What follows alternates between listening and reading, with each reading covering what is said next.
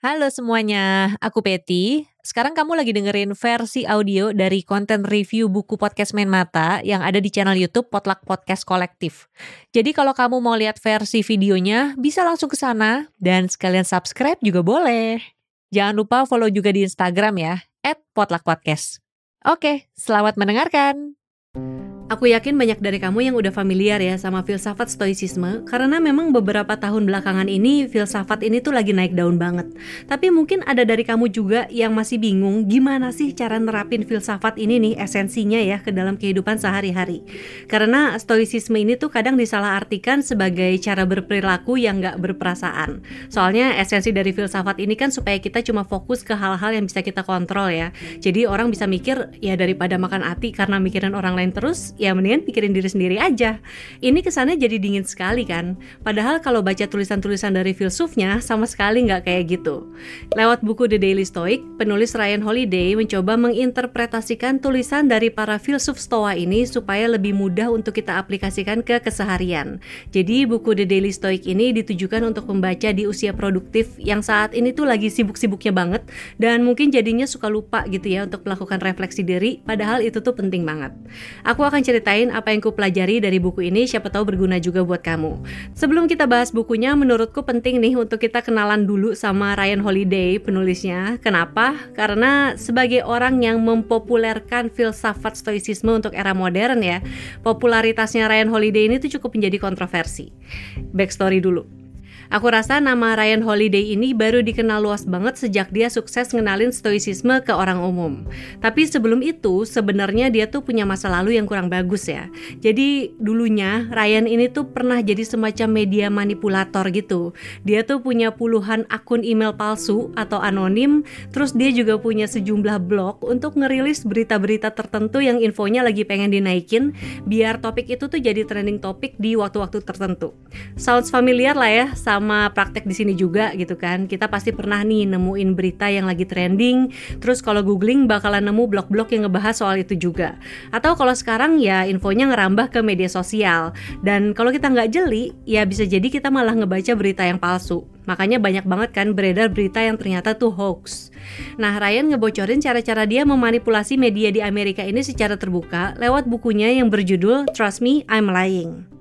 Mungkin karena itu juga ketika Ryan sekarang ini gencar dan sukses banget gitu ya mempromosikan filsafat stoicisme untuk era modern, pendapat orang pun jadi kebelah dua gitu. Karena ngelihat masa lalunya dia yang seorang scammer.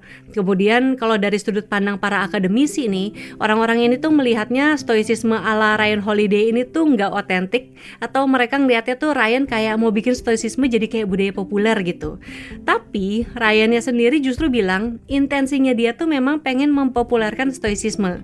Dan dari satu artikel yang aku baca nih soal Ryan Holiday, seorang profesor filosofi bernama Daniel Bonefak juga bilang kalau stoicisme itu tuh bisa jadi satu-satunya filsafat yang cocok untuk disebarluaskan oleh orang-orang non-akademisi kayak Ryan Holiday. Sebagian alasannya karena stoicisme itu memang isinya tentang menghadapi masalah-masalah praktis dalam hidup.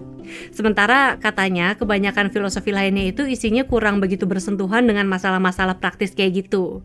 Nah, pendapat ini juga senada nih dengan yang sempat diceritain oleh satu profesor psikologi lain lagi namanya Massimo Pigliucci.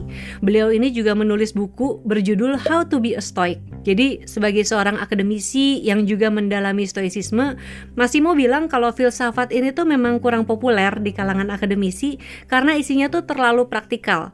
Makanya dia mencoba melawan pendapat ini dengan bikin majalah online untuk ngajak para akademisi nyeritain ke orang umum tentang apa yang mereka lakukan dan kenapa hal itu tuh penting supaya gap antara kaum intelektual dengan orang umum ini tuh nggak semakin besar.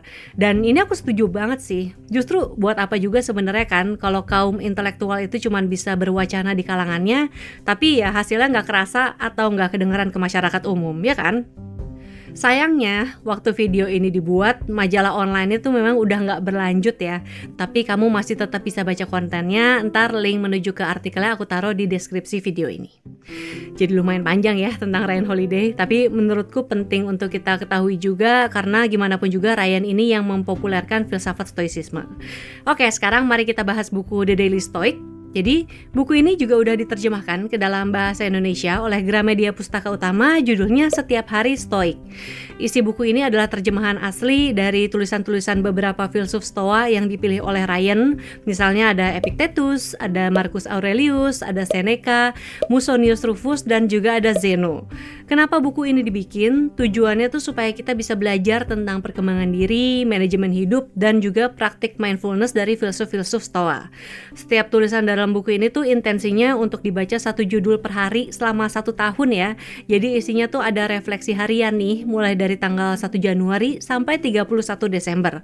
Refleksi hariannya itu berisi satu kutipan dari filsuf Stoa, terus ada semacam tulisan pendek dari Ryan yang berisi interpretasi dia akan kutipan tersebut yang bisa dikaitin sama masalah hidup kita sehari-hari. Di bagian pengantar buku ini, Ryan tuh memaparkan kalau dari tulisan-tulisan para filsuf Stoa ini, ada tiga disiplin yang mereka coba terapkan secara mendalam nih. Yang pertama, disiplin dalam persepsi, alias gimana kita melihat dan menangkap dunia di sekitar kita. Terus yang kedua, disiplin dalam aksi, yaitu tentang keputusan dan aksi-aksi yang kita ambil dan sampai dengan tujuannya itu apa. Terus yang ketiga, disiplin dalam hasrat atau gimana kita menghadapi berbagai hal yang nggak bisa kita ubah, membuat penilaian yang jernih dan yakin, dan memahami benar posisi kita di dunia ini itu untuk apa. Ketiga disiplin ini yang kemudian dijadiin acuan untuk refleksi harian selama setahun di dalam buku The Daily Stoic. Empat bulan pertama nih, dari Januari sampai April, kita diajak untuk mempelajari disiplin dalam persepsi. Jadi di sini kita akan melatih gimana cara pikiran bekerja. Yang pertama tuh tentang fokus ke kejernihan pikiran, biar kita bisa punya kuasa akan diri sendiri.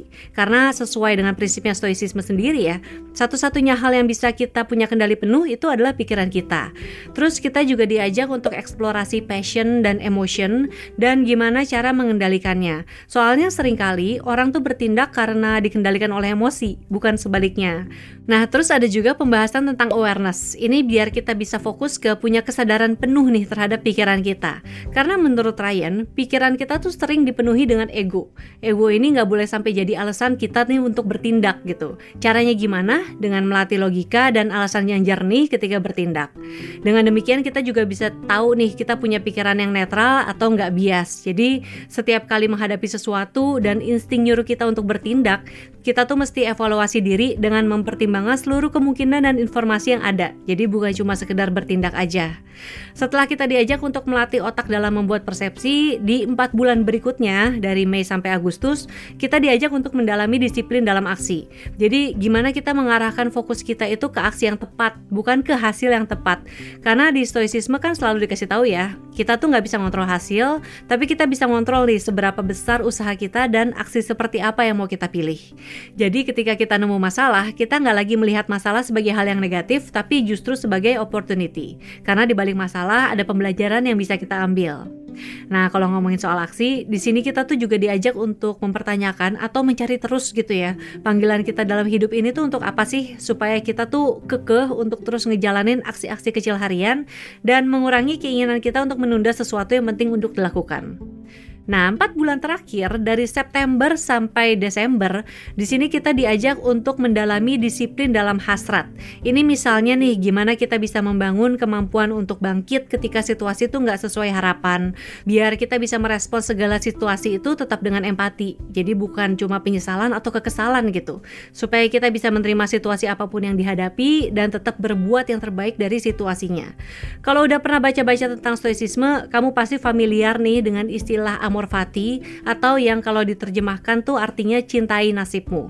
Jadi terlepas dari segala ups and down yang dihadapi, kita tetap menjalani hidup dengan sepenuh hati dan nggak terus-terusan menempatkan diri juga sebagai korban. Karena kalau kita terus ngerasa sebagai korban, kita tuh malah jadi lebih susah bangkit. Soalnya kita ngerasa dunia tuh kayak lagi menyerang kita gitu. Dan ini di bulan terakhir ya, bulan Desember, The Daily Stoic ini tuh fokus ke meditasi terhadap kematian. Kalau dengar kata kematian mungkin identik dengan suram, depresif atau berduka kali ya. Tapi di The Daily Stoic, dia tuh mengajak kita untuk melihat kematian sebagai kekuatan untuk kita berubah. Karena pada akhirnya ya kita semua akan mati. Jadi kenapa enggak kita memaksimalkan hidup kita dengan ngelakuin banyak hal daripada tenggelam kelamaan atau ya menyesali keputusan-keputusan salah yang pernah dibuat dan akhirnya jadi ngelewatin hal lain yang bisa kita lakukan. Kurang lebih seperti itu. Jadi kalau kamu tertarik baca buku The Daily Stoic, Versi bahasa Indonesianya bisa dibeli di official store-nya Gramedia, di marketplace, atau di toko-toko buku online favorit kamu. Ntar aku taruh linknya juga di deskripsi video ini biar kamu gampang kalau mau beli. Oke, sekian dulu video kali ini. Terima kasih sudah menonton. Kalau misalnya kamu suka dengan videonya, boleh di like. Kalau tidak suka, di dislike juga tidak apa-apa. Tapi kalau kamu merasa video ini bermanfaat, share videonya ke media sosial biar teman-teman kamu yang membutuhkan juga bisa menonton. Terakhir, jangan lupa subscribe channel YouTube Potluck Podcast Kolektif dan tekan tombol lonceng notifikasi biar nggak ketinggalan kalau ada video terbaru. Lalu follow di Instagram juga @potluckpodcast. Sampai jumpa lagi. Dadah.